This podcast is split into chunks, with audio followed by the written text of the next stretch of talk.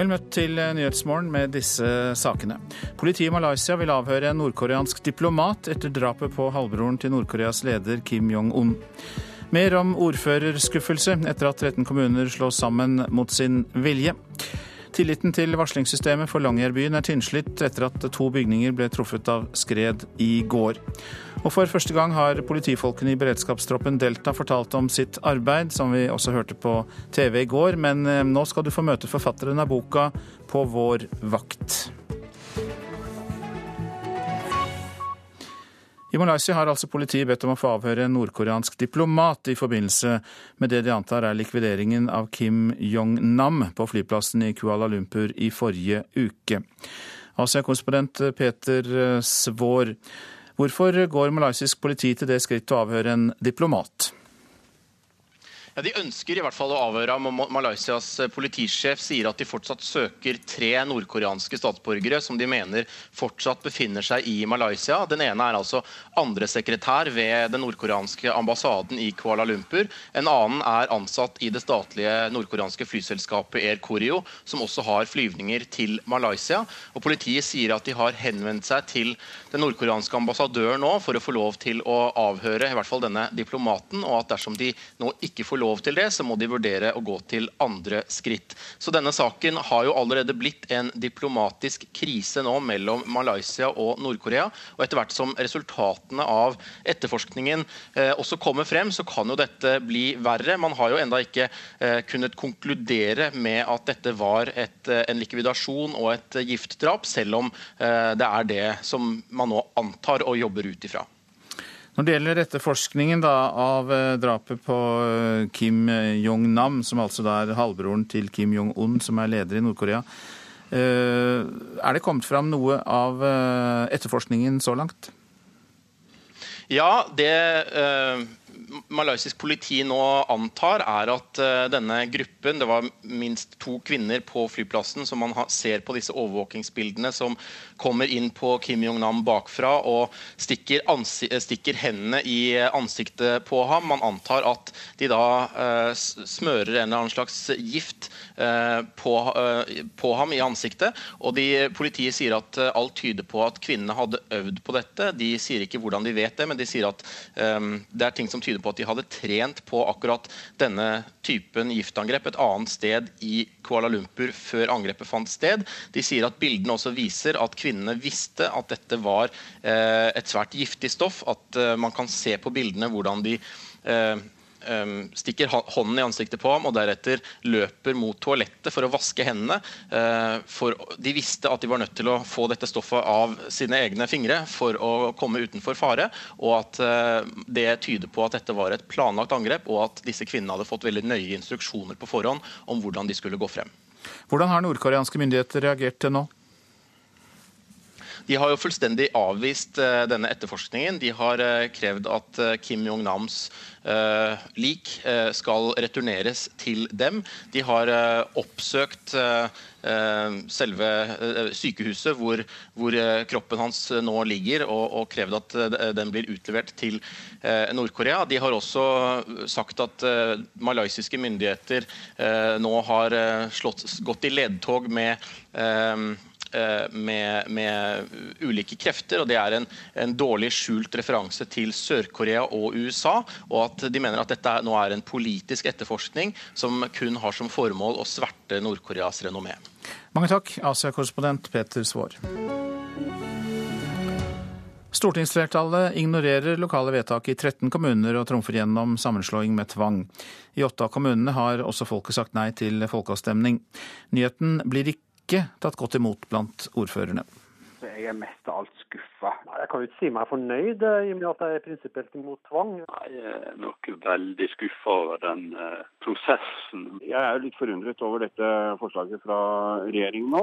En ringerunde til kommunene som blir slått sammen mot sin vilje, viser at mange ordførere mener prosessen ikke har vært god. Jeg er jo ikke overraska, for dette har ligget kortene lenge. Men jeg er, jeg er oppriktig skuffa over at uh, vi ikke blir hørt. Jeg syns det er å holde både politikere og aller verst innbyggerne for narr. Det sier ordfører Jon Håkon Odd i Leikanger. Etter det NRK forstår er hans kommune en av 13 som blir slått sammen med tvang. Heller ikke Skedsmo-ordfører Ole Jakob Flæten er fornøyd med prosessen fram mot en stor Romeriksregion. Det, det går jo imot det vi har anbefalt, og det går også imot det fylkesmannen har anbefalt om en stor kommune på Nedre Romerike. Landet rundt har det vært rådgivende folkeavstemninger om kommunesammenslåing, og det store flertallet har endt med nei. I åtte av kommunene som stortingsflertallet nå vil slå sammen med tvang, har folkeflertallet sagt nei til sammenslåing. Jeg mener jo det at vi har gjennomført en veldig god prosess, eh, forhandla frem en god avtale. Må jo respektere det lokaldemokratiske vedtaket som, som, som, kom gjennom en folkeavstemning. Så I det perspektivet så kan jeg ikke si meg fornøyd. Det sier ordfører Tom Myhrvold i Ørland kommune. Når man summerer frivillige og tvangssammenslåinger, reduseres antallet kommuner i Norge fra 428 til 363. Men både Senterpartiet og Arbeiderpartiet åpner for å omgjøre tvangssammenslåinger dersom de tar makta i stortingsvalget til høsten. Det gjør prosessen enda mer rotete, det sier ordfører i Vikna, Amund Hellesø. Og Det betyr jo at vi ikke før etter eh, valget på høsten nå vet hva som blir realiteten ut av dette. Men selv om flere kritiserer prosessen fram mot sammenslåing, ser ikke ordfører Petter Skau i Spydeberg helt sort på å bli del av en stor Østfold-kommune sammen med Askim og Hobøl. I en ny kommune eh, starter vi med blanke ark. Reportere Kari Stokke Nilsen og Siv Sandvik. Så tar vi for oss det avisene er eh, opptatt av. Eh, Norge tegnes på nytt, er oppslaget i VG om det vi nettopp har hørt, at kommuner blir slått sammen. En hån at nordlendinger blir trøndere, er en av reaksjonene avisa har hentet inn fra Bindal kommune, som går fra Nordland til Trøndelag. Bondehøvding kan havne på Stortinget, er oppslaget i Bergens Tidende. Senterpartiet fosser fram på målingen i Hordaland. Og tidligere leder i Norges Bondelag, Nils T. Bjørke fra Voss, kan få plass på Løvebakken. Det ser lovende ut, men det er langt fram til valget, sier Bjørke selv. Stortinget skjerper vernet av matjord, skriver Nasjonen. Det blir vanskeligere å bygge på dyrka mark, for stortingsflertallet krever hensyn til jordvern når det gis dispensasjon i plan- og bygningsloven. Partiene dropper Kirken, er oppslaget i Vårt Land. Den norske kirke er på vei ut av partiprogrammene, viser avisas gjennomgang. Politikerne er i ferd med å skaffe seg et langt større handlingsrom på tros- og livssynsfeltet, heter det i avisas kommentar. Nå kastes elbilene ut av kollektivfeltene også i Trondheim, kan vi lese i Adresseavisen. Det skjer i sentrumsgatene fra august for å gi plass til de nye superbussene. Trondheim er Norges mest elbilfiendtlige kommune, det mener Ståle Langolf i Trøndelag Elbilforening. Dødsveien skal bli ulykkesfri, skriver Federlandsvennen om nye Europavei 39 mellom Kristiansand og Stavanger. 16 personer har mistet livet på strekningen de siste fem årene. Men den nye veien blir slik at ingen skal bli drept eller hardt skadd så sant fartsgrensen holdes. Petter Northug er en viktig ressurs i den norske landslagstroppen, uavhengig av hvor mange konkurranser han deltar i under VM. Landslagstreneren mener nemlig han er en viktig motivator for de unge.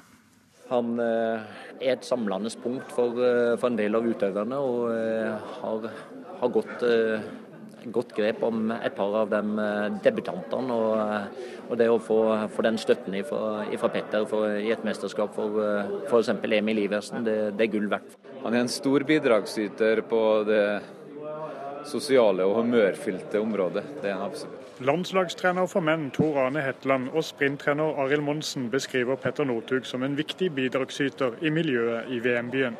Han bidrar med sin erfaring og ikke minst sitt humør, som han viste på treningen i VM-byen i går, da han strødde om seg med humoristiske bemerkninger.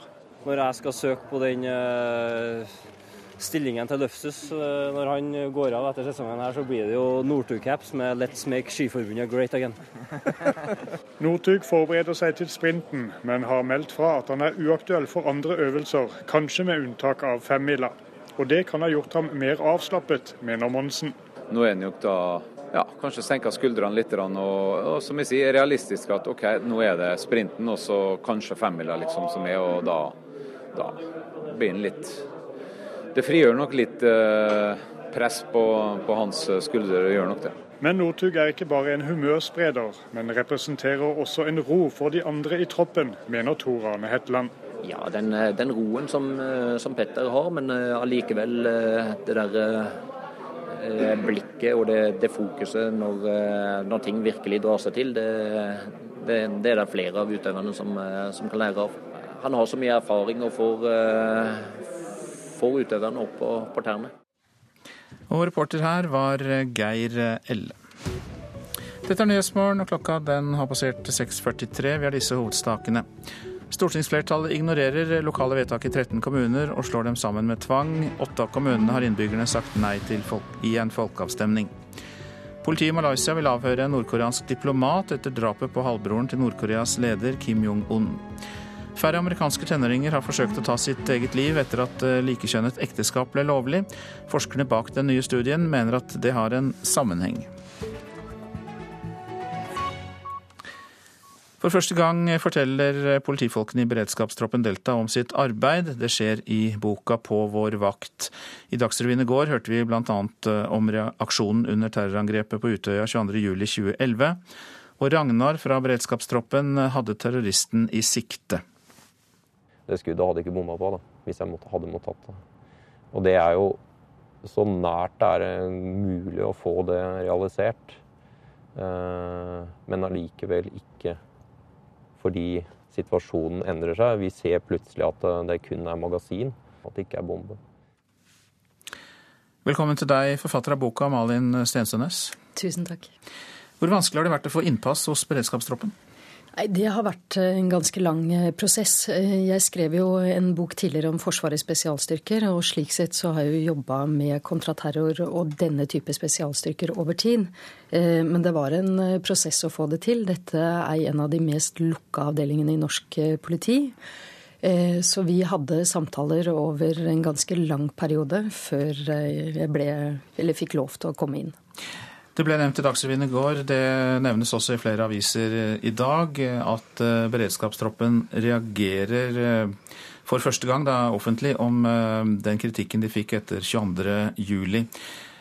Var det noe som preget dem sterkt? Ja, det var det jo. Det jeg har gjort, er jo å intervjue de som var i aksjon selve dagen, om deres rolle. Eh, og det jeg oppdaget da jeg intervjuet, var jo at her var det klare avvik mellom det de fortalte og det som er på et vis blitt vår eh, offisielle historie i 22. juli-kommisjonens rapport. Eh, de har nok først og fremst vært opptatt av å få frem hva det er de har gjort denne dagen. Beredskapstroppen var aksjonsstyrke, og det betyr at de sto i første rekke av, i politiaksjonen denne dagen. Eh, de var først inne i regjeringskvartalet. De gikk inn i R4 mens R4 fortsatt sto i brann. De evakuerte ut skadde fra Høyblokka. Og det var jo disse som pågrep Anders Behring Breivik ute på Utøya. Eh, og som også drev livreddende arbeid, eh, akuttmedisinsk arbeid overfor skadde ungdommer. Men du er ikke redd for at det kan bli et partsinnlegg fra beredskapstroppen uten sterke nok motforestillinger fra deg i boka? Nå har det vel vært eh, mange sterke motforestillinger siden 22.07.2011. Eh, eh, og det er jo veldig mye informasjon ute i offentligheten om 22.07. Dette er beredskapstroppens historie fra denne dagen. Det er en del av den store fortellingen om 22.07. Hva gjør beredskapsstyrken annerledes enn politiet ellers?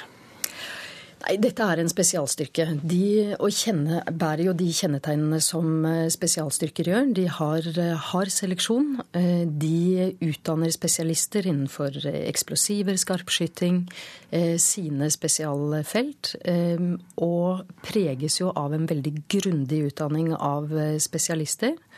Eh, og disse er jo trent til å gå inn i de verst tenkelige situasjonene som kan ramme oss som samfunn. Du, du, skriver at eh, det er ikke bedre utstyr og bedre trening som kjennetegner dem som jobber, dem, jobber, der, som gjør dem annerledes. Hva er det som gjør dem annerledes da? Nei, Det som gjør de annerledes, er jo seleksjon. De selekteres eh, etter ekstreme kriterier for å kunne tåle ekstreme belastninger, både fysisk og psykisk. Eh, og så eh, er, bruker de jo veldig mye av sin tid på trening, som gjør at du får en veldig skarp avdeling.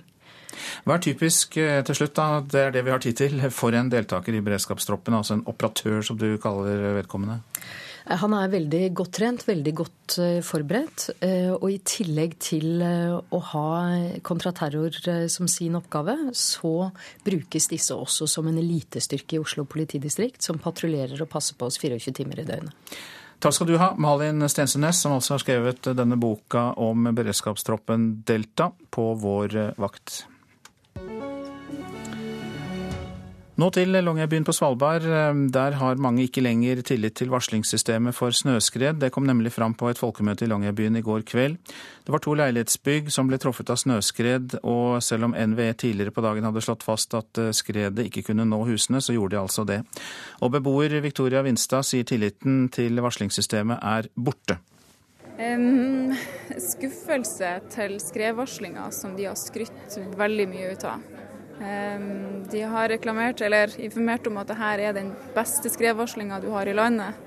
Og da syns jeg egentlig veldig synd på de andre skredvarslingssystemene når vi ser at det har feila såpass stort her oppe. Victoria Vinstad er en av vel 200 personer som i går ble evakuert i Longyearbyen. Tirsdag formiddag ble to leilighetsbygg i Longyearbyen truffet av snøskred, sjøl om NVE tidligere på dagen hadde slått fast at snøskred ikke kunne nå husene. Hendelsen i går skjedde bare et drøyt år etter skredulykka 19.12.2015, som krevde to menneskeliv. I etterkant ble det etablert et eget skredvarslingssystem for Longyearbyen. Et system som i går svikta. Jeg syns det er tragisk. Jeg syns det er tragisk at det skjer, og jeg syns det er tragisk at man lar det skje. Jeg syns at de som sitter med, med, myndighet og har ansvaret, burde ta det ansvaret som er tillagt dem. Mm. Eh, og Det eneste forslaget som jeg har trua på, er å flytte bebyggelsen.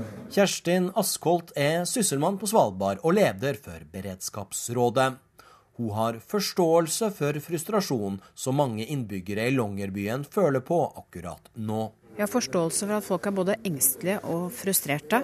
Eh, det er noe av grunnen til at vi tok et møte, for å kunne gi en foreløpig informasjon. Eh, og så håper vi at vi kan gi bedre svar etter hvert. Men ja, jeg har forståelse for det.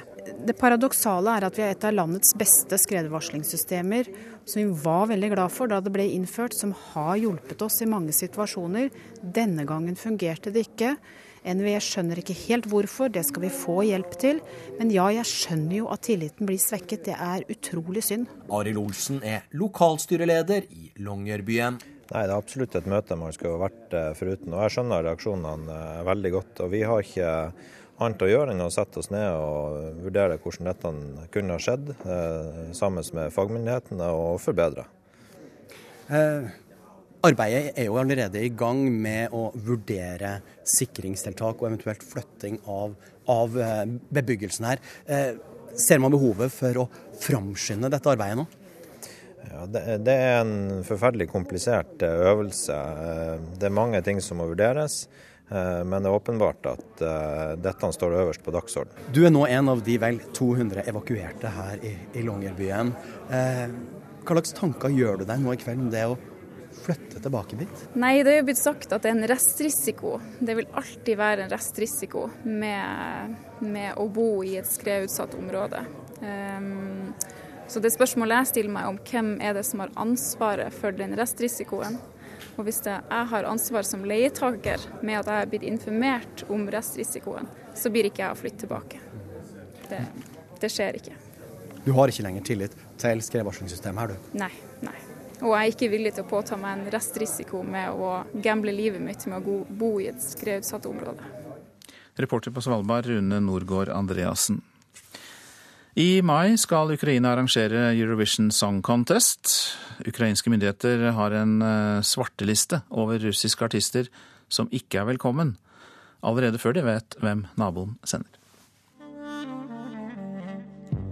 When strangers are coming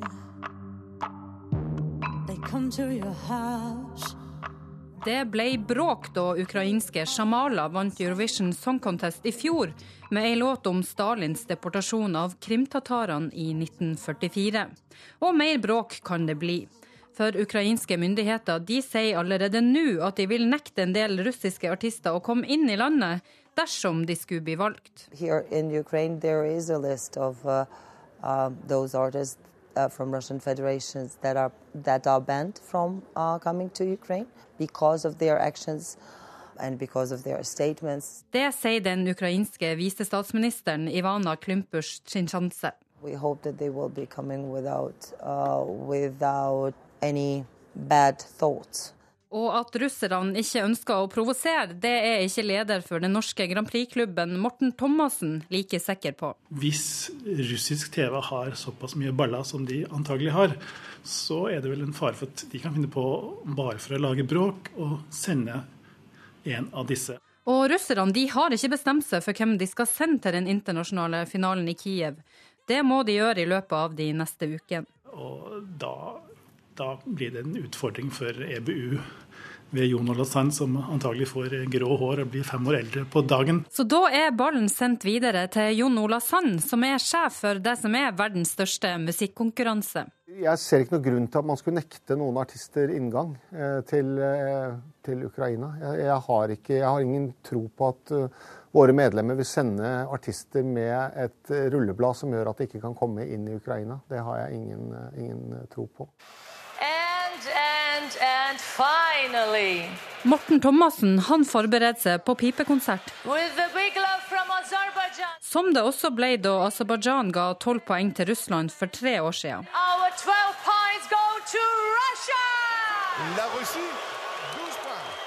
Ja, enten så kan de liksom sende en artist og som er barnelyst, og så ender det med at de ikke får lov å sende og kan de trekke seg og lage mye bråk pga. det. Eller så får de lov å delta, og da syns jo synd i den artisten som kommer til et land som ikke har lyst til å ha han. Det, vi har reagert på litt pipekonsert mot Russland før, men er, da tror jeg det blir ny rekord i pipekonsert i Hallen hvis en sånn artist skulle finne på å ville stille opp for Russland. Reportere her Katrine Elnan, Kirsti Falk Nilsen og Morten Jentoft. Forskning på barneoppdragelse i minoritetsfamilier og i etnisk norske familier, det ønsker Ryfylkemuseet i Rogaland å begynne med. Gjennom forskningen så ønsker de å bidra til at det blir færre konflikter med barnevernet og bedre integrering. Men foreløpig så mangler det noe viktig. Godkjenning fra Datatilsynet. Problemet er at dette er et prosjekt der vi skal prøve å finne litt mer ut av forståelsen av barndom og barneoppdragelse i ulike etniske grupper. Og Det betyr at vi må samle inn det som blir kalt for eh, sensitive personopplysninger. Og For å få lov til å gjøre det, så må vi altså ha en konsesjon fra Datatilsynet. Det sier Roy Høibo, rådgiver i prosjektet Barn i bygda, som museet på Sand i Suldal håper å komme i gang med. Så må vi lage et internkontrollsystem for hele museet. Og dermed står vi overfor en eh, ganske stor og en ganske ny utfordring. Men når vi møter det nå, så er det fordi at museet blir stilt overfor større utfordringer i forhold til å være relevante i samtida, som det heter. Altså ta opp kontroversielle spørsmål, vanskelige spørsmål. Velkommen alle sammen til Internasjonal kafé. Ryfylkemuseet har tatt oppdraget på alvor og har gjort integrering til en like viktig oppgave som bygningsvern. Så skal vi få smake på tysk kost. Veldig godt. Og kom her, litt lufte, ikke sitte hjemme. Rahmo og døtrene fra Somalia er på internasjonal kafé, et tilbud Ryfylkemuseet har hatt siden 2004. Eh, og det har jo gjort at vi har fått et kontaktnett. kontaktnett. Og jeg tror en del innvandrergrupper regner med Ryfylkemuseet i integreringsarbeidet. Sier prosjektleder for Barn i bygda, Anette Oppheim.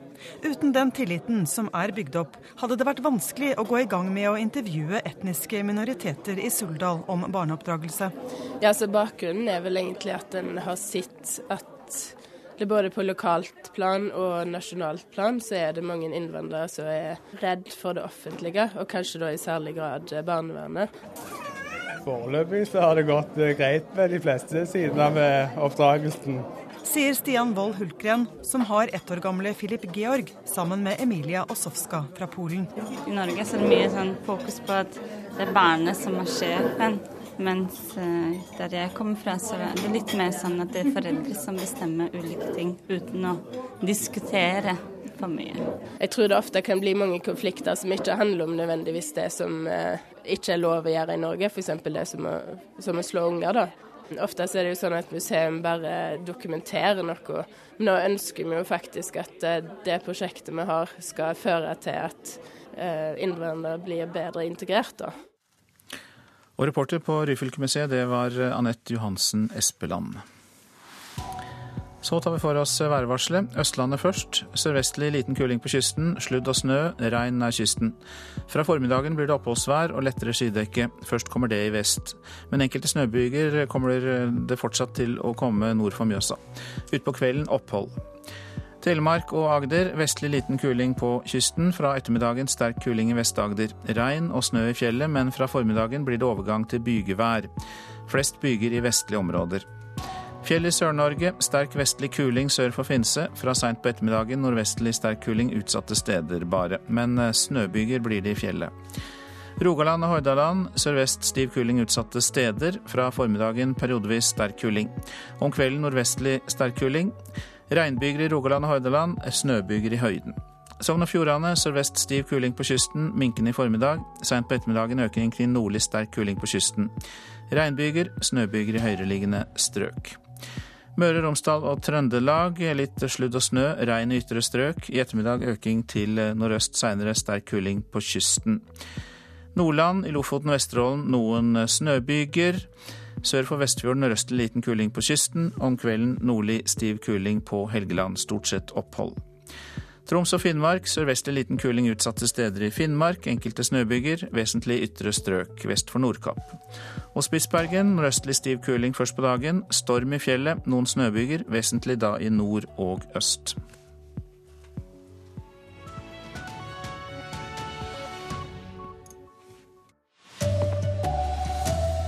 Politifolk har ikke tro på at Norge blir tryggere med den nye politireformen.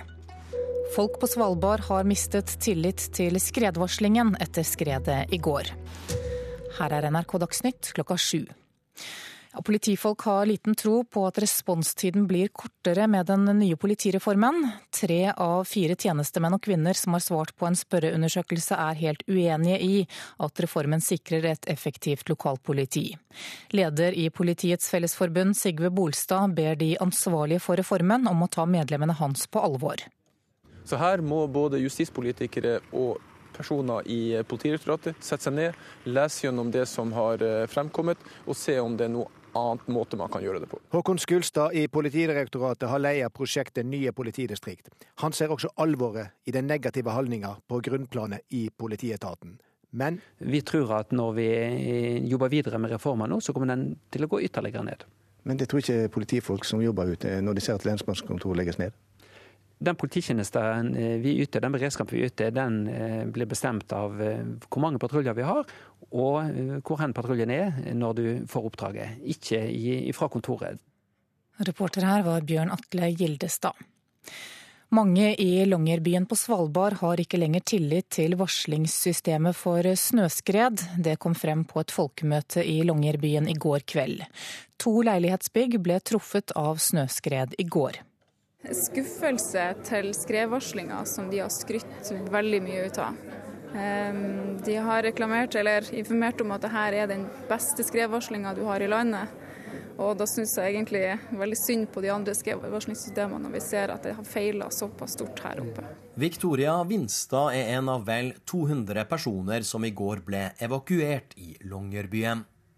Tirsdag formiddag ble to leilighetsbygg i Longyearbyen truffet av snøskred, sjøl om NVE tidligere på dagen hadde slått fast at snøskred ikke kunne nå husene.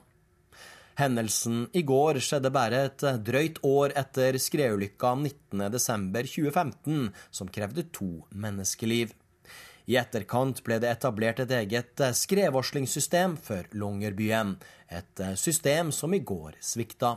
Jeg syns det er tragisk. Jeg syns det er tragisk at det skjer, og jeg syns det er tragisk at man lar det skje. Jeg syns at de som sitter med, med, myndighet og har ansvaret, burde ta det ansvaret som er tillagt dem. Mm. Og Det eneste forslaget som jeg har trua på, er å flytte bebyggelsen. Reporter her det var Rune Nordkår Andreassen, og vel 200 mennesker er altså fortsatt evakuert i Longyearbyen etter snøskredet i går. Sysselmannen sier at de også fortløpende vurderer om det er aktuelt med ytterligere evakueringer.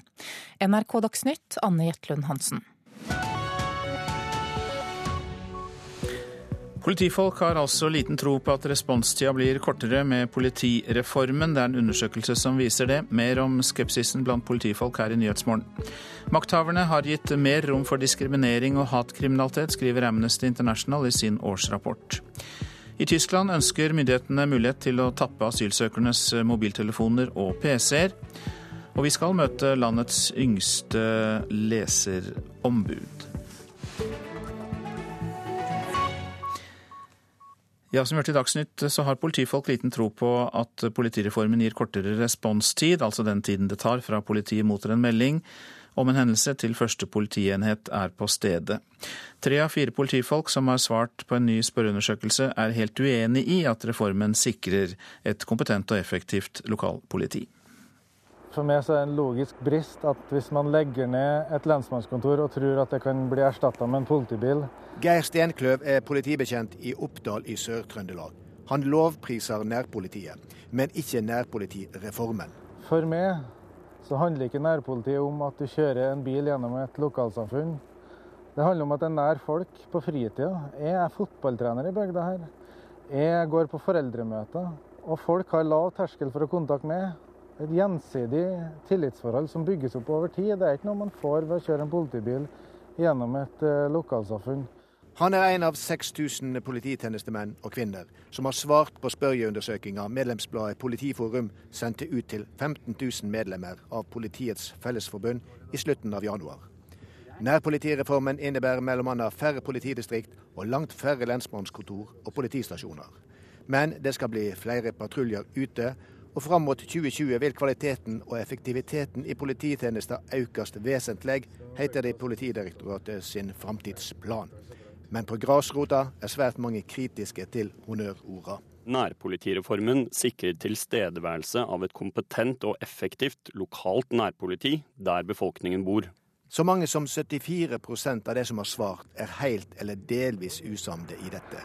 Det var en søndag formiddag og det var fyllekjøring, og bilen lå på hodet, og føreren var borte. Og Da kommer det to patruljer fra Trondheim og leter og styrer. og de, har, de, er ikke kjent i Oppdal. De vet ikke hvor de skal lete. Dem. Og Til slutt så får jeg en telefon. Og tar jeg én telefonsamtale, så finner jeg hvor føreren er. Reformen vil bedre responstiden.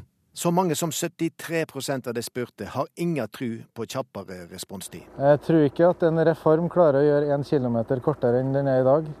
Det er fremdeles 17 mil til Røros. Sigve Bolstad leder Politiets Fellesforbund. Det er bekymringsfullt. Det gjenspeiler at man ikke føler seg tilstrekkelig tatt på alvor og hørt. Og det er tross alt de som skal løse samfunnsoppdraget. Nå ber han alle de som står ansvarlig for politireformen, lytte nøye til grasrota i politiet. Så her må både justispolitikere og personer i Politidirektoratet sette seg ned, lese gjennom det som har eh, fremkommet, og se om det er noe annet måte man kan gjøre det på. Håkon Skulstad i Politidirektoratet har leia prosjektet Nye politidistrikt. Han ser også alvoret i den negative holdninga på grunnplanet i politietaten. Vi er kjent med denne skepsisen og tar den på det største alvor. Men han er nøyd med at responstida gikk ned i fjor. Vi tror at når vi jobber videre med reformen nå, så kommer den til å gå ytterligere ned.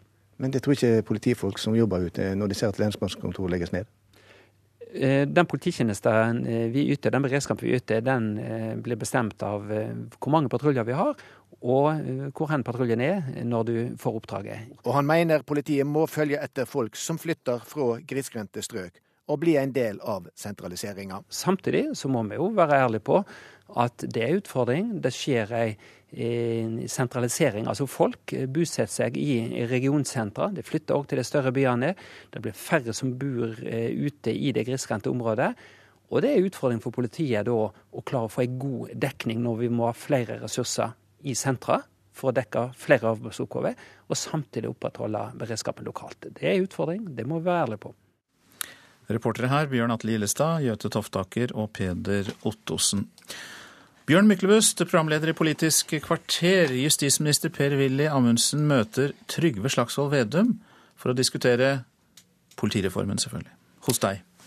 Igjen, det blir, det blir et turoppgjør om en drøy halvtime, for det pågår en kamp. Noen sier det er by mot land, noen sier det er eliten mot folket.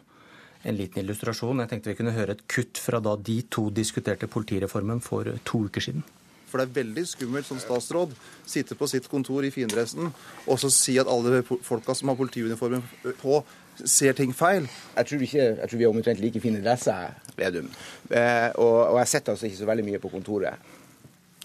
Ja, altså Jeg har kasta jakka, men spørs om eh, de som kommer i studio til deg, har dressen på. Vi får se. Jeg, jeg er alltid helt nøytralt kledd. Eh, dette er, dette er uansett en debatt som legger seg oppå andre debatter der Vedum mener folk i distriktene får dårligere tilbud, mens Amundsen og regjeringen mener de tvert imot gir folk bedre tjenester. og da har vi laget en elegant overgang til det du skal snakke om nå. Ja, for uh, Lars Nehru Sand, politisk kommentator, er kommet i studio. God morgen til deg også. God morgen. Vi skal nemlig snakke om um, kommunereformen, og det er en pressekonferanse klokka halv ni. Det må vi ikke glemme. Uh, vi vet at 13 kommuner blir slått sammen mot sin vilje, noe regjeringspartiene og Venstre sikrer flertall for. Og det ligger an til å bli ti store regioner i stedet for 19 fylker. Ja, oppsummert 63 eh, færre kommuner, den største reformen på 50 år. Men hvorfor har det vært så vanskelig prosess? Det hadde det blitt uansett, fordi skulle man lagd et mer logisk norgeskart, delt eh, nær sagt etter faglige kriterier inn i bo- og arbeidsmarkedsregioner og lagd sterke bysentra og, og da brukt overordna nasjonale hensyn, så ville det blitt enda mer tvang enn nå. Skulle man gjort dette utelukkende frivillig, så kunne det blitt enda mer tilfeldig enn nå. Og Derfor har man nå endt med en eh, slags hybrid, hvor, hvor begge Eh, hvor man har prøvd å ta mange kryssende hensyn. og Det eh, syns jeg også vi ser av, eh, av resultatet. Ja, men Så hører vi da i nyhetene at ordførere som slås sammen mot kommunens vilje, er veldig skuffet. Var det da en tabbe å gjennomføre disse folkeavstemningene? Alternativet ville jo vært at det ble enda mye mer støy rundt at dette var enda mindre frivillig, enda mindre å lytte til eh, folk.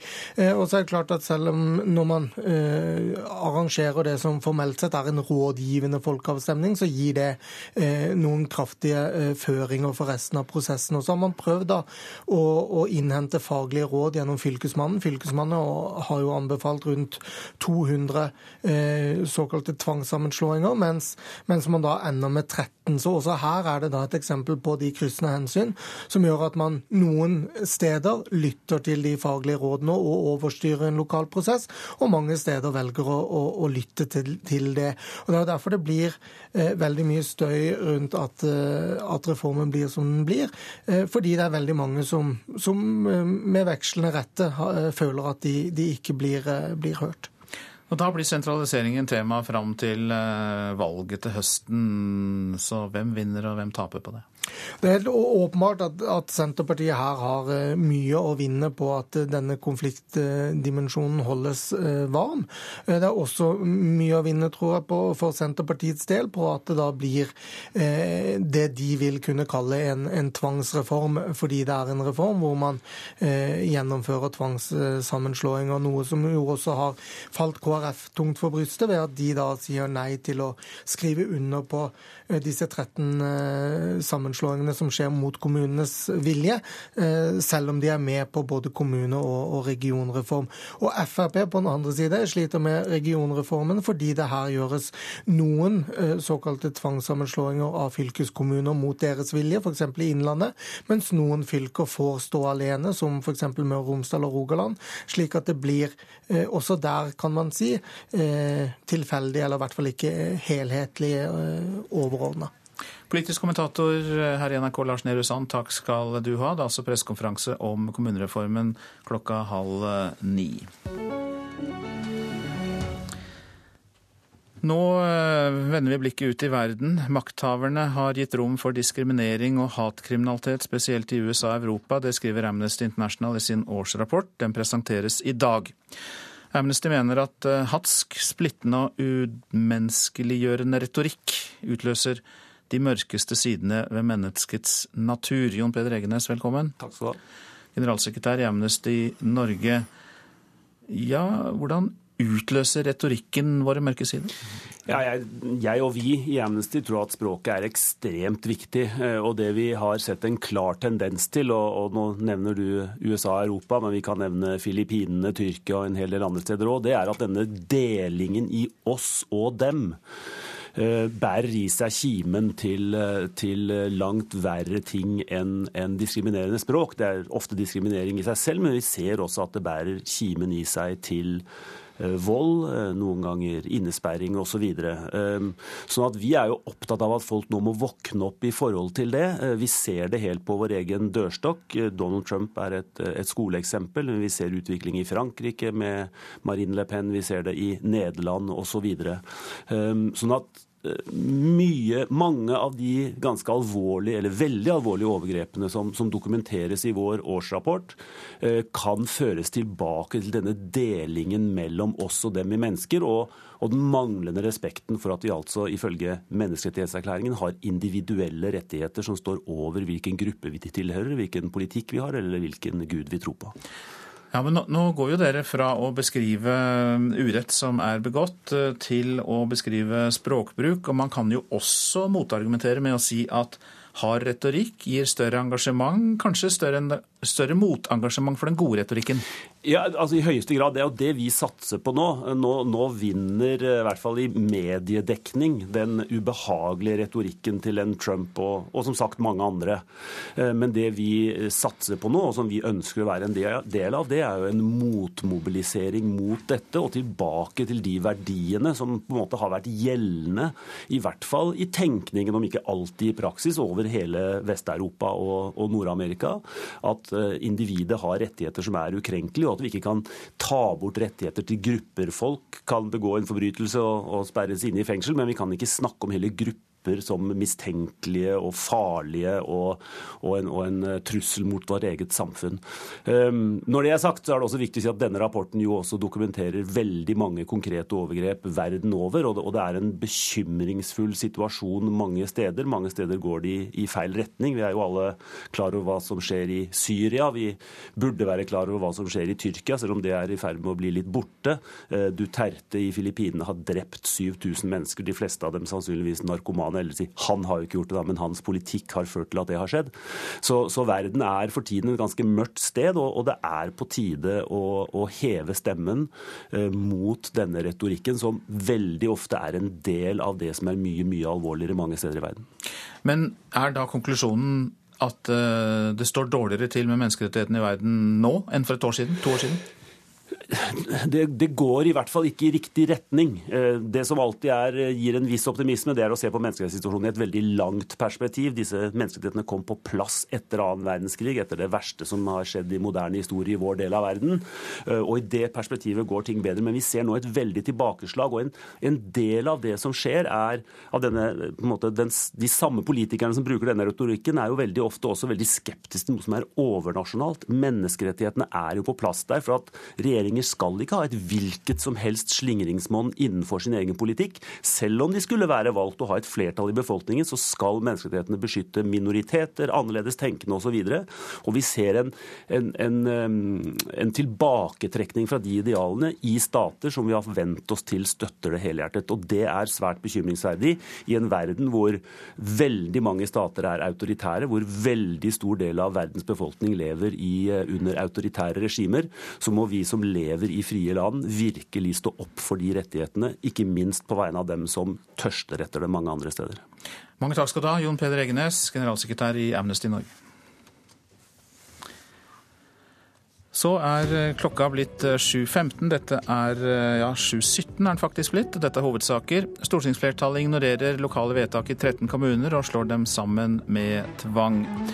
Politifolk har liten tro på at responstida går ned med den nye politireformen. Det viser en helt ny spørreundersøkelse.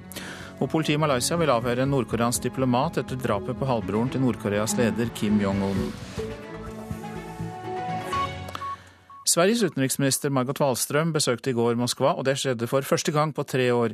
Den norske utenriksministeren har ennå ikke vært i Russland i den perioden, og forholdet til Russland er eh, svært dårlig etter at eh, Russland nektet visum til to stortingspolitikere, som vi vet.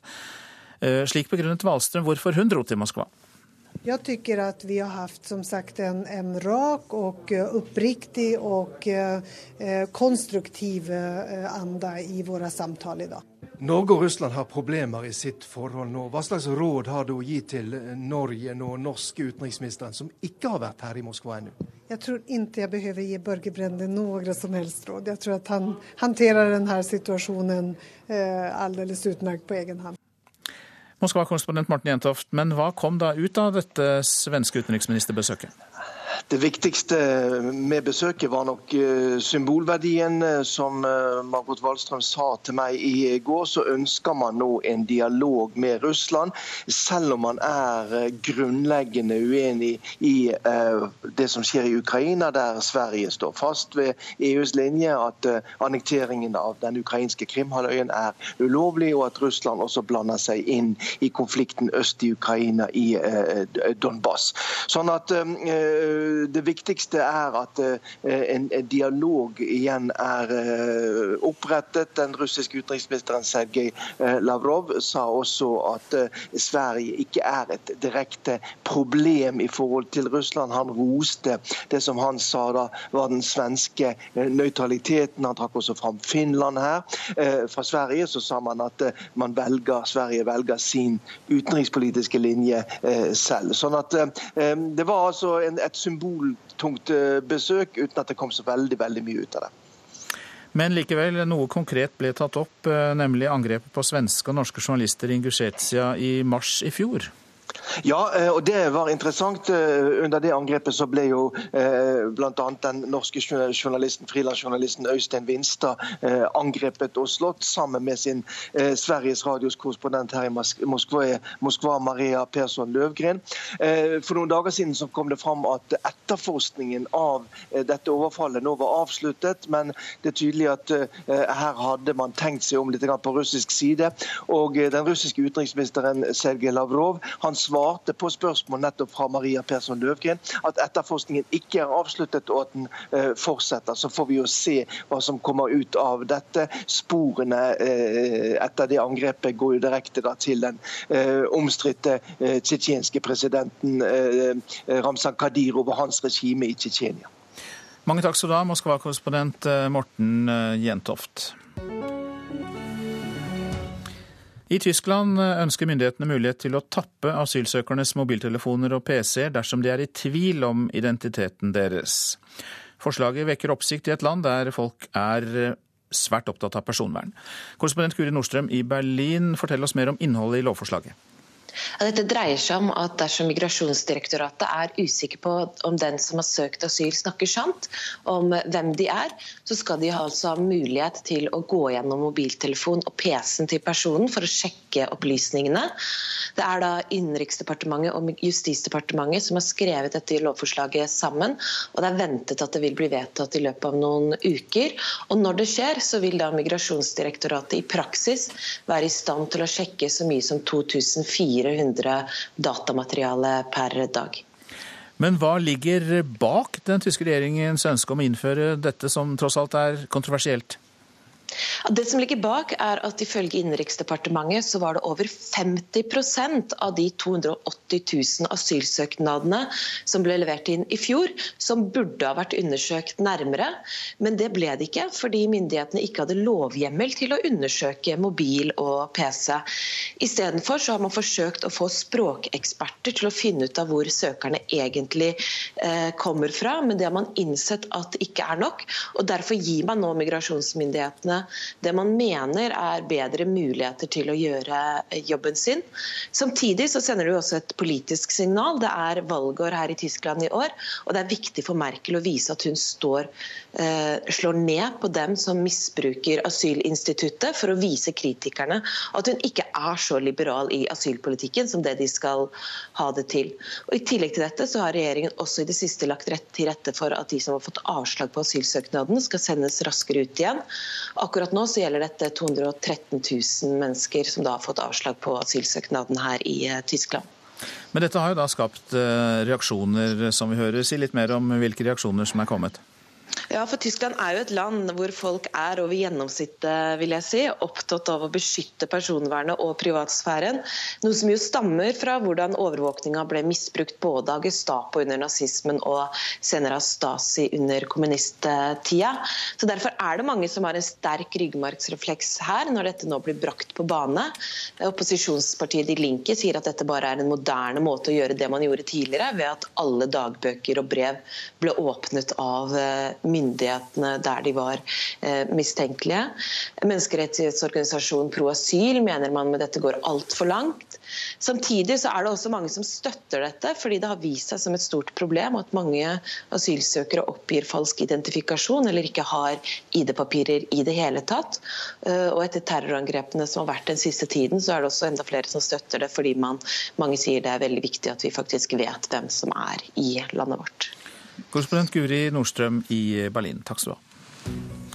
Så til avisene. Norge tegnes på nytt. Det er oppslaget i VG om kommuner som blir slått sammen med tvang, og 19 fylker som blir til ti regioner, som vi også har hørt om tidligere. En hån at nordlendinger blir trøndere, er en av reaksjonene avisa har hentet fra Bindal kommune, som går fra Nordland til Trøndelag. Bondehøvding kan havne på Stortinget, er oppslaget i Bergens Tidende. Senterpartiet fosser fram på målingen i Hordaland.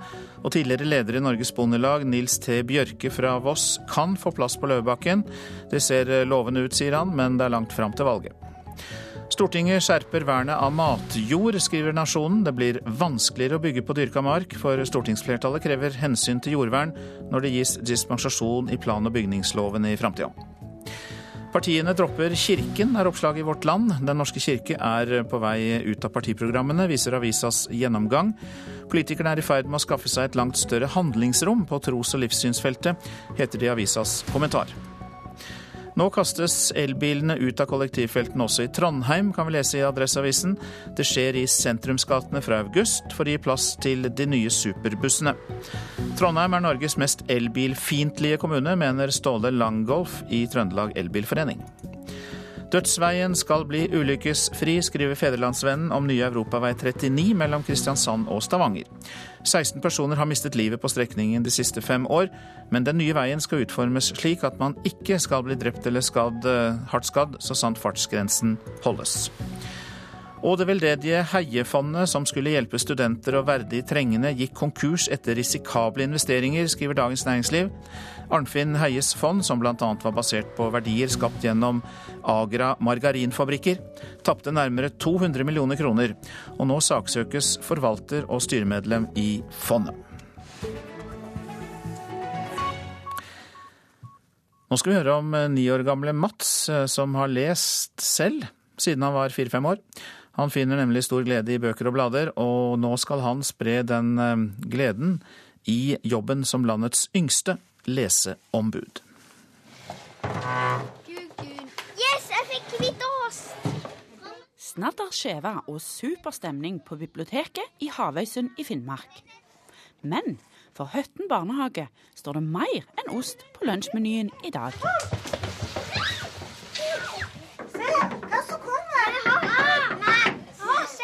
Publikum ønsker Mats velkommen som ei rockestjerne. Men er han heller ikke hvem som helst.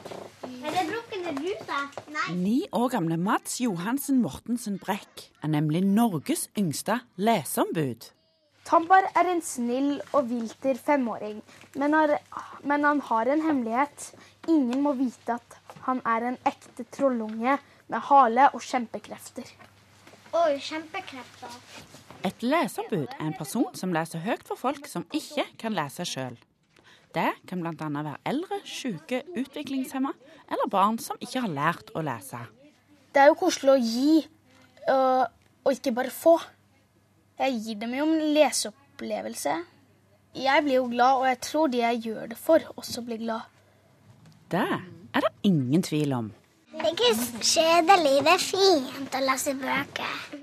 Det kuleste historiene mine, det er jo spøkelser. Jeg tar pusekatt og Elsa. Jeg tar støttepusekatter. Jeg tar dyrebok. Jeg tar pus, og dyrebok. Jeg syns det er viktig å lese bøker fordi at uh, man, man lærer jo ord, og så man blir underholdt. Leseombudet er organisert gjennom foreninga Leser søker bok, som samarbeider med ca. 330 bibliotek i hele landet. Alle fylker har leseombud, og det finnes ca. 1200 til sammen. De fleste er pensjonister, så Mats er minstemann med god margin. Landets yngste, ja det er helt utrolig.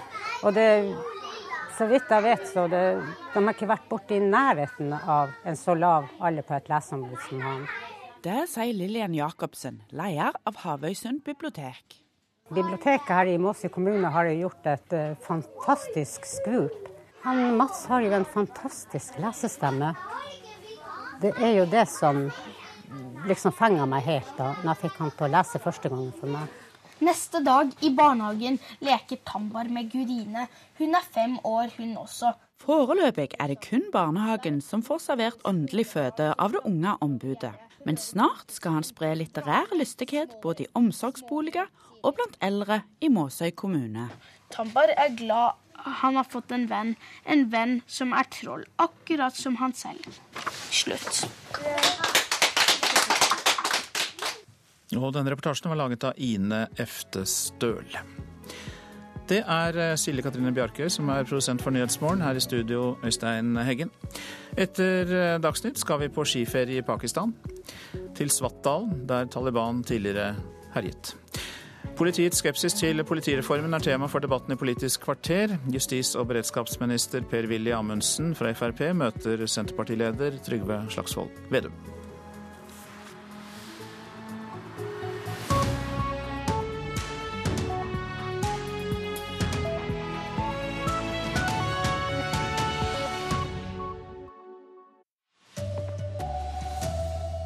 Politifolk tror ikke at responstiden deres blir bedre med den nye politireformen. Jeg tror ikke at en reform klarer å gjøre én kilometer kortere enn den er i dag. Ordførere er skuffet over at 13 kommuner blir tvangssammenslått med nabokommuner. Og Spenningen mellom Russland og Ukraina gjør at flere russiske artister nektes adgang til Melodi Grand Prix.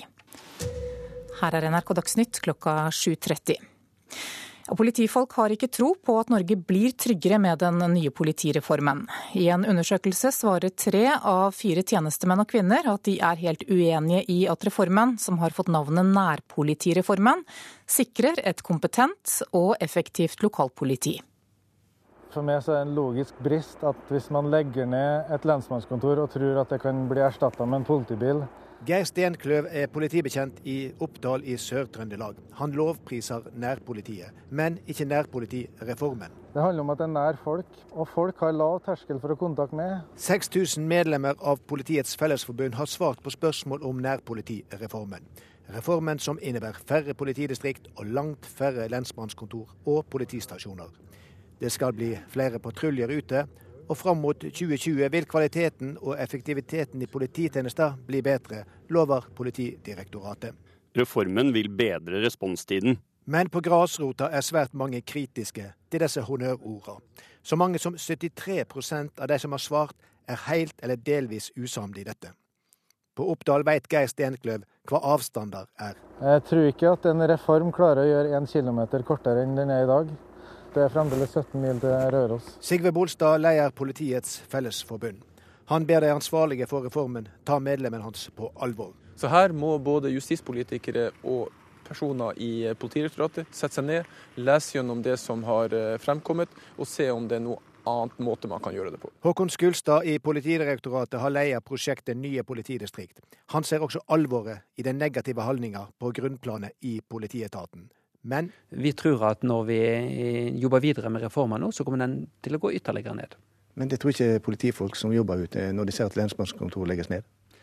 Den polititjenesten eh, vi yter, den beredskapen vi yter, den eh, blir bestemt av eh, hvor mange patruljer vi har, og hvor hen patruljen er når du får oppdraget. Ikke fra kontoret.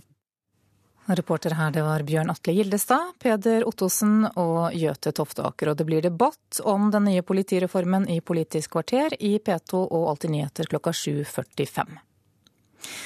Stortingsflertallet ignorerer lokale vedtak i 13 kommuner og trumfer gjennom sammenslåing med tvang. I åtte av kommunene har også innbyggerne sagt nei i folkeavstemning. Og nyheten blir ikke tatt godt imot blant ordførerne. Så jeg er mest av alt skuffa. Jeg kan jo ikke si meg fornøyd, eh, i og med at jeg er prinsipielt imot tvang. Jeg er nok veldig skuffa over den eh, prosessen. Jeg er litt forundret over dette forslaget fra regjeringen nå. En ringerunde til kommunene som blir slått sammen mot sin vilje, viser at mange ordførere mener prosessen ikke har vært god. Jeg er oppriktig skuffa over at uh, vi ikke blir hørt. Jeg syns det er å holde både politikere og aller verst innbyggerne for narr. Det sier ordfører Jon Håkon Odd i Leikanger. Etter det NRK forstår er hans kommune en av 13 som blir slått sammen med tvang.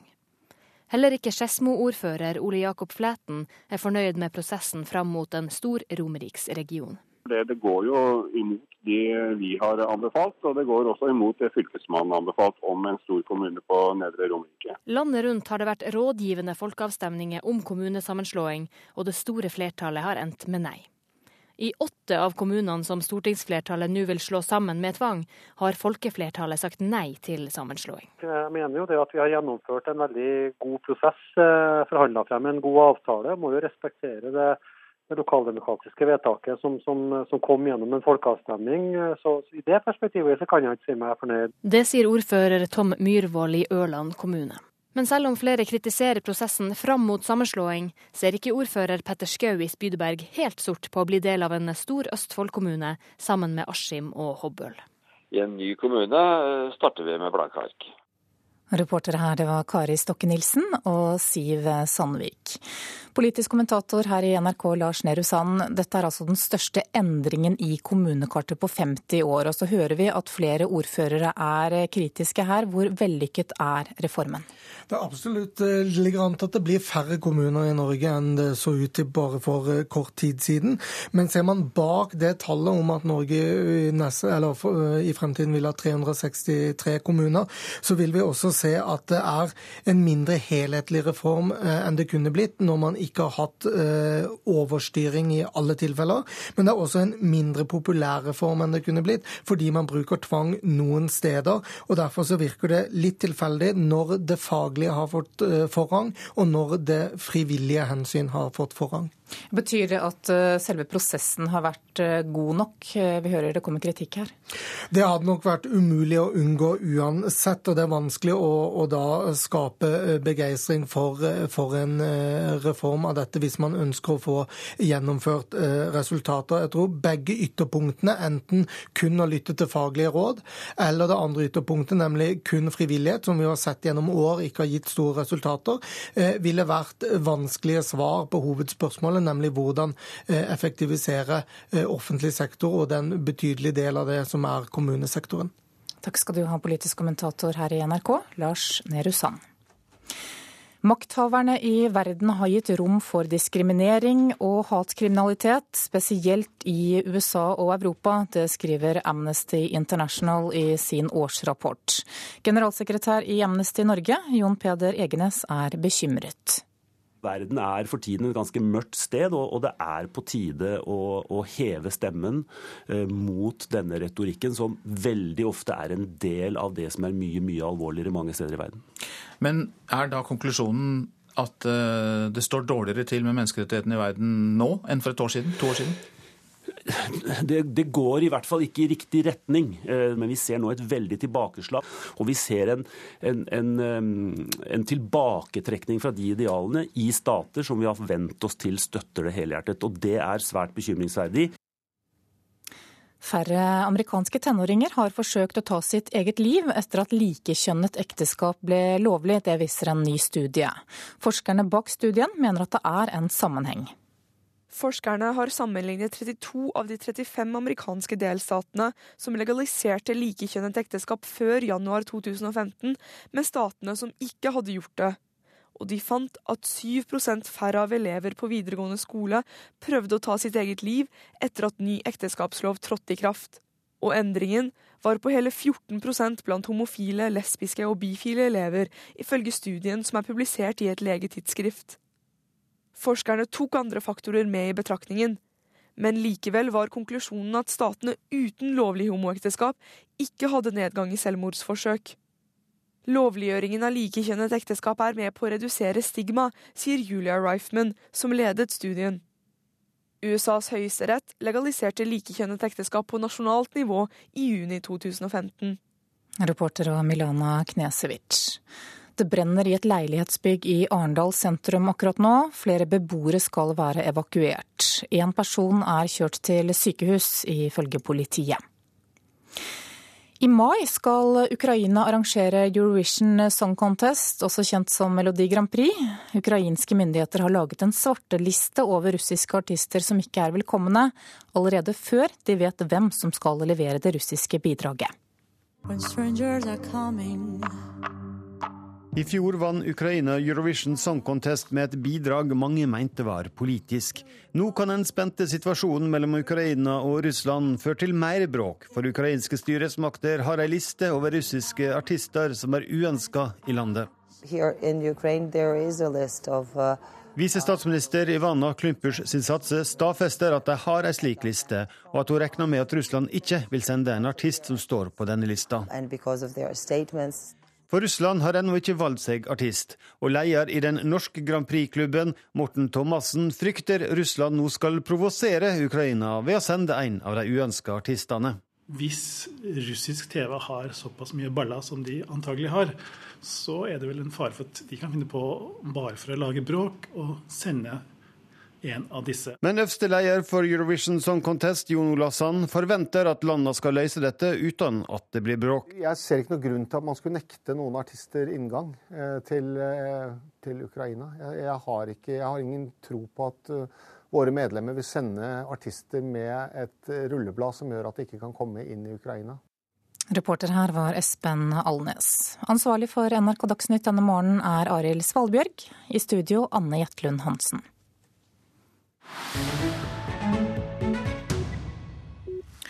Du som lytter til Nyhetsmorgen er kanskje på skiferie? Nå skal vi til en alpin, alpinbakke, et sted som vil overraske mange. Fram til 2009 var det Taliban som regjerte i Svartdalen i Pakistan, og Taliban forbød innbyggerne å stå på ski. Taliban mente at det var mot islam, og raserte alpinanlegget. Men nå har investorer renovert det, og turistene strømmer til. Barn med slalåmski på bena i munter prat. Over skianlegget ses en blå himmel. I horisonten er det vakre, snødekte fjellformasjoner så langt øyet kan se. I have not seen snow before, but I'm much excited about this. Jeg har aldri sett snø før. Dette er en stor opplevelse. Det sier studenten Osman Shaukat. Han kom med buss fra Punjab hit til fjellandsbyen Malam Jabba, som ligger i Svatdalen nordvest i Pakistan. For sju år siden var det forbudt å stå på ski her. Da var det Taliban som regjerte store deler av Svatdalen. Ifølge Taliban var det imot islam å stå på ski. Skianlegget og hotellene rundt ble rasert av Taliban i årene fra 2007 til 2009. Ved hjelp av nye kinesiske stolheiser og lokale investorer er alpinsenteret igjen i full drift.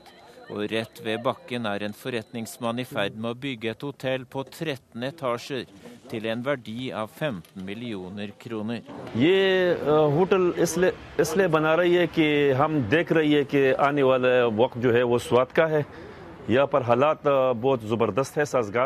Jeg bygger dette hotellet fordi jeg ser en lys fremtid her i dalen, sier Sarwar Khan til nyhetsbyrået Reuters.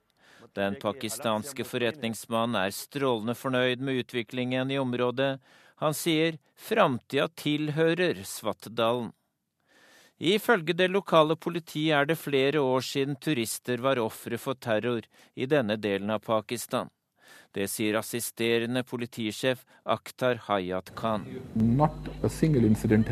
Place uh, for the past many years uh, wherein uh, tourists, be that local uh, or foreign, have been targeted. So that's a major satisfaction for us. Vi er veldig godt fornøyd med utviklingen, sier politilederen. Det er bare pakistanske turister å se i slalåmbakken. Landet opplever en økende middelklasse. Stadig flere har skaffet seg egen bil. Myndighetene har satset på infrastruktur som bedre veier. Mange tar seg derfor råd til en skiferie i det renoverte anlegget i den pakistanske fjellheimen. Potensialet er stort i et land med 200 millioner innbyggere. Vestlige ambassader på sin side advarer turister om å dra til Svartdalen, som ligger tett opp til grensen til Afghanistan. De viser til at Taliban i begge land er i bevegelse, og at området ikke har vært stabilt trygt over tid.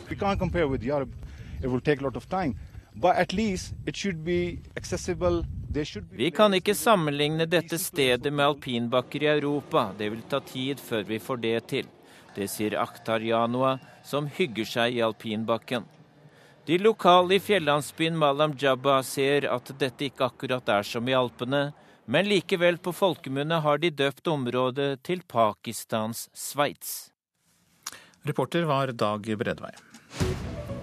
Dette er hovedsaker i Nyhetsmorgen. Ordfører er skuffet over at 13 kommuner blir tvangssammenslått med nabokommunene. I åtte av kommunene har innbyggerne sagt nei i folkeavstemning. Politifolk har liten tro på at responstida går ned med den nye politireformen. En spørreundersøkelse viser at tre av fire politifolk er uenige i at reformen sikrer et kompetent og effektivt lokalpoliti. Makthaverne i verden har gitt mer rom for diskriminering og hatkriminalitet, spesielt i USA og Europa. Det skriver Amnesty International i sin årsrapport. Amnesty mener at hatsk retorikk utløser de mørkeste sidene ved menneskets natur. Politiet i Malaysia vil avhøre en nordkoreansk diplomat etter drapet på halvbroren til Nord-Koreas leder Kim Jong-un. Halvbroren Kim Jong-nam ble drept på flyplassen i Kuala Lumpur i forrige uke. Om eh, få sekunder er det Politisk kvarter, i dag ved Bjørn Myklebust.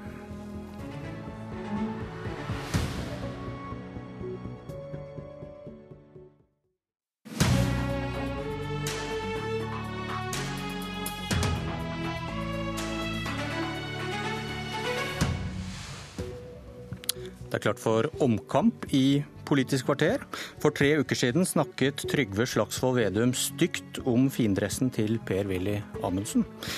I dag har du kanskje hørt om en ny undersøkelse om politireformen. Den fikk Vedum til å avbryte vinterferien. Hold dere fast. God morgen, justisminister Per-Willy Amundsen. God morgen, god morgen. Bladet Politiforum har altså, som vi har hørt i dag, spurt Norges 15 000 politifolk om nærpolitireformen. Den som kutter antall politidistrikt og lensmannskontor kraftig. De fikk svar fra 6000, og av disse svarer fire av fem at de ikke tror politiet kommer tettere på publikum. To av tre tror ikke Norge blir tryggere. To av tre tror ikke responstiden blir bedre. Og hva tenker du om det politifolkene dine svarer? Det tar jeg på stort alvor. Jeg tenker at det er utfordrende å stå i en reformprosess sånn som de ansatte i politiet nå gjør. Så jeg har stor forståelse for nettopp det. Men så tenker jeg at etter hvert som vi ruller ut resultatene av reformen, når man får se innholdet, kvalitetsøkninga, som jo tross alt er det viktigste i reformen, så håper jeg og tror at de ansatte også vil se nødvendigheten og at reformen gir gode resultater. Men så er viktig å huske, det er altså politiets egne fagforeninger som har vært dypt involvert i å lage en reform som skal tjene landet. Og så må vi også huske bakgrunnen for denne reformen. altså. Den ble gjennomført av en grunn. Politianalysen pekte på behovet. Det er også erfaringer etter 22.07, Gjørv-kommisjonen, som sa at vi var nødt å gjøre endringer med norsk politi. Det er det vi gjennomfører nå. Så vet jeg og stor forståelse for at de ansatte opplever det som en krevende prosess. I fjor sommer så ble det gjort en undersøkelse som viste den samme store skepsisen til politiet. og Vi snakket med deg om den for tre uker siden. Om hva du trodde politifolk hadde svart i dag. Husker du hva du sa? Eh, ja, jeg husker hva jeg sa. Eh, og jeg tror nok eh, vi må bruke noe mer tid på å få frem de kvalitetsløftene som ligger i reformen. Da, da svikter hukommelsen deg. Sitat. Dette er en undersøkelse som ble gjort i fjor sommer, altså i startfasen av reformen. Nå er vi kommet langt videre i gjennomføringen av reformen. Jeg tror at hvis du hadde tatt en tilsvarende undersøkelse i dag, så er jeg ganske sikker på at du ville fått andre tall. Sitat, ja. sitat slutt. Ja, og der tar jeg feil. Jeg skal ikke krangle på det. Eh, men som jeg sier, og det som jeg tror er det viktige Hva lærte du av det, da? Eh, jeg tenker at det som er viktig å, å få frem, det er at reformen har et innhold. Når vi er ferdig med å snakke om lensmannskontor, når vi blir ferdig å snakke om distrikter, inndeling, om flytting av, av personell, så vil denne reformen handle om innhold. Det handler om etterforskningsløft. Det handler om politiarbeid på stedet. Det handler om større fagmiljø som er i stand til å håndtere kompleks kriminalitet. Det handler rett og slett om det politiet vi er nødt til å ha i det utfordrende eh, kriminalitetsbildet vi ser eh, i vår egen samtid, og som ikke politiet har vært tilpassa. Men du, du, du, sier eh, 'jeg tok feil', sier du nå. Men bør ikke en statsråd være forsiktig med å påstå at politiet har blitt mer positive? Før, kan, før, man kan dokumentere det? Det kan godt hende. Men man kan jo lure på det, når kan man stole da på dine vurderinger? Og når er det du sier noe bare som er behagelig for deg der og da? Eh, jeg tenker at nå skal vi følge reformen. Vi har en egen følgeevaluering eh, som Difi gjennomfører, som vil bli eh, presentert senere i dag. Eh, som viser at bildet er langt mer sammensatt eh, enn det jeg håper å si Og du hadde vel protestert ganske greit hvis du visste at det ga et veldig annerledes bilde, for du vet hva det er som inneholder Jo, men, men, det er sammensatt. Og så tenker jeg det at eh, det, det er forståelig at ansatte opplever det som krevende å stå midt i en reform. Men som jeg sier, det er en grunn til at vi gjennomfører denne reformen. Og det er ingen alternativ til å gjennomføre denne reformen. Og så tror jeg at etter hvert som resultatene på det kvalitative planet blir mer synlige, så er jeg ganske sikker på at eh, oppslutninga rundt reformen vil øke. Men Hvorfor skal vi stole på deg nå? Du sa nettopp at 'jeg tok feil' da du var veldig sikker for tre uker siden. Jo, fordi, så sier du nå at jeg er helt sikker på at... eh, Rett og slett fordi at for det første Eh, at eh, vi kommer til å gi politiet langt bedre forutsetninger for å levere gode polititjenester, skape trygghet der ute. Politiet vil få langt bedre virkemidler, langt bedre verktøy for å utføre sitt arbeid. Og som sagt, Fagforeningen til politiet har også vært involvert i dette arbeidet, og har også støtta reformen. Så jeg tror vi kommer til å se ei, utvikling, men vi kommer til å følge dette nøye. Men, men nå, nå, nå, innser du, eh, i motsetning til forrige gang, da, at de er skeptiske, selv som du selv sier, at etter at reformen har gått en tid. Hva vil du gjøre med det? Er det som du gir inntrykk av nå, sette deg og vente og se, eller kommer du til å endre noe? Det er en grunn til at vi gjør følgeevalueringer. Det er en grunn til at eh, Difi følger opp reformen tett, at vi får eh, rapporter underveis. Og Det er nettopp for å gjøre de justeringene som er nødvendig. Og så handler det også, tror jeg, litt om om ressurssituasjonen til politiet. Gjennom forrige år så tror jeg mange politifolk har følt på at eh, ressurssituasjonen har vært mer krevende eh, enn det var året før. Det har vi korrigert i 2017. Vi har økt bevilgningen til politiet betydelig. Nærmere 300 millioner frie eh, midler som går nå rett ut til politidistriktene, som vil gi et større rom for okay. de ansatte. Og der tror jeg de også vil oppleve en, lettere, en lettelse i å gjennomføre sin jobb i forhold til det de hadde i 2016. Så okay. Dette er sammensatt. Det handler om ressurssituasjonen. Det handler om uh, en skepsis som alltid vil være til stede blant de ansatte som uh, Den skal stå midt i en nå, reform. Jo. Den skulle jo vært i ferd med å fordunste. Men, men, jeg kan godt gjenta for andre gang. Jeg tok feil. Ja, greit, men, feil. men jeg tror også etter hvert som innholdet i reformen blir synligere, Eh, så tror jeg de, eh, de, fleste vil se at eh, dette blir bra. Leder i Senterpartiet, Trygve Slagsvold Vedum. Du har, du har, gjemt deg i et studio på Elverum, så vi ikke skal få se den fine dressen din. Men uh, Amundsen innser nå at politifolk er skeptiske et stykke inn i reformen. Og det må du være glad for. Det som er...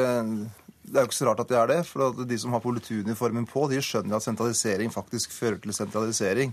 Og at det ikke gir bedre forebygging og mer lokalkunnskap. Man flytter eh, politiet lenger bort fra der man faktisk skal gjøre jobben. Og så har jo de som jobber i politiet erfart at det siste året har gått en enorm mengde møter, konsulentrapporter og prosesser, og mindre til, eh, til handling. Og det er det som er så sørgelig med Per-Willy Amundsen nå også, at du får ikke inntrykk av at han tar det på alvor, det som kommer fra de 6000 politifolka som nå har gitt en tilbakemelding. Men det han sier, er jo at eh, de får bare vente og se, så forstår du at o kloke, store regjeringa har egentlig tenkt rett. Men de har ikke skjønt det ennå, de som faktisk gjør jobben, de som hver dag må ut i felten. Og det er der hele problemet til regjeringa ligger, er at de glemmer å snakke med de som faktisk står i virkeligheten. Og nå er det tilbakemelding etter tilbakemelding på at denne reformen her har ført til mer byråkrati.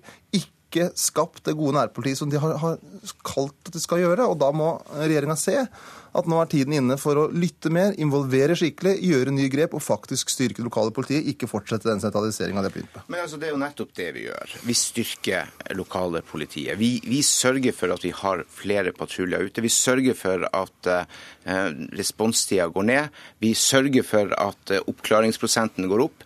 Vi sørger for at eh, restansene bygges ned, at saksbehandlingstida går ned. Norsk politi leverer. Og det kommer man til å gjøre enda bedre etter hvert som resultatene av reformen blir synlige. Og det handler nettopp om trygghet i distriktene. Det handler nettopp at folk ute i distriktene skal være sikre på at de får hjelp når de trenger det, og at det skjer raskt. Rask responstid, som vi nå har også fått demonstrert at, de, at responstida går ned. Noe dere ikke engang gidda å måle når dere satt i regjering. Vi viser at responstida går ned, og vi oppnår Vi er på vei mot det målet som vi har satt oss. Og så tenker jeg det at... Det Vent litt, Vedum. Responstid det er altså da fra politiet får en beskjed om en hendelse til de er på stedet. Ja. Og hva sier du til det, Vedum? Eh, påstanden om at den går faktisk ned?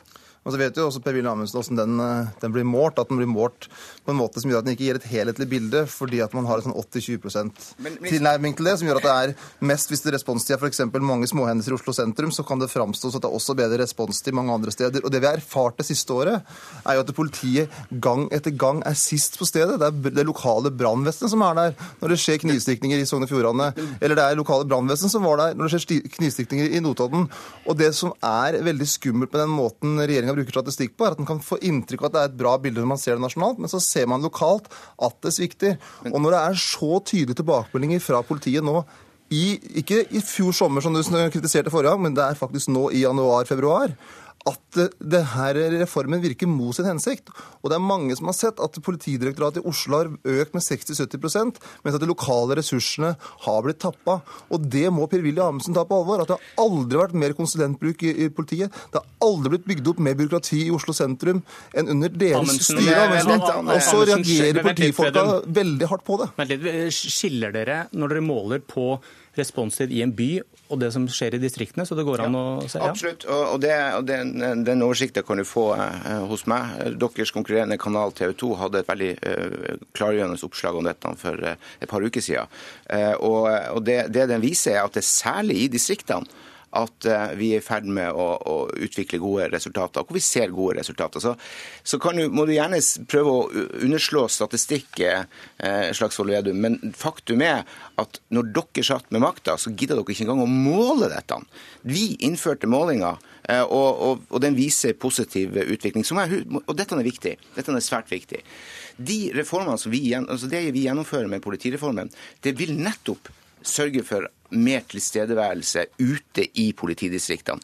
Deres eh, politiløsninger handler om å sentralisere og bygge opp eh, politiressursene i Oslo sentrum. Vi sprer dem ut. Vi sørger okay. for at det oppbygges ja, ute i distriktene. Så, dette, så, så hele det eh, distriktsargumentet faller på sin egen urimelighet. Trygve Slagsvold Vedum, jeg må spørre deg. Hvordan bør det påvirke ressursbruken når stadig flere flytter fra bygda og inn til større steder?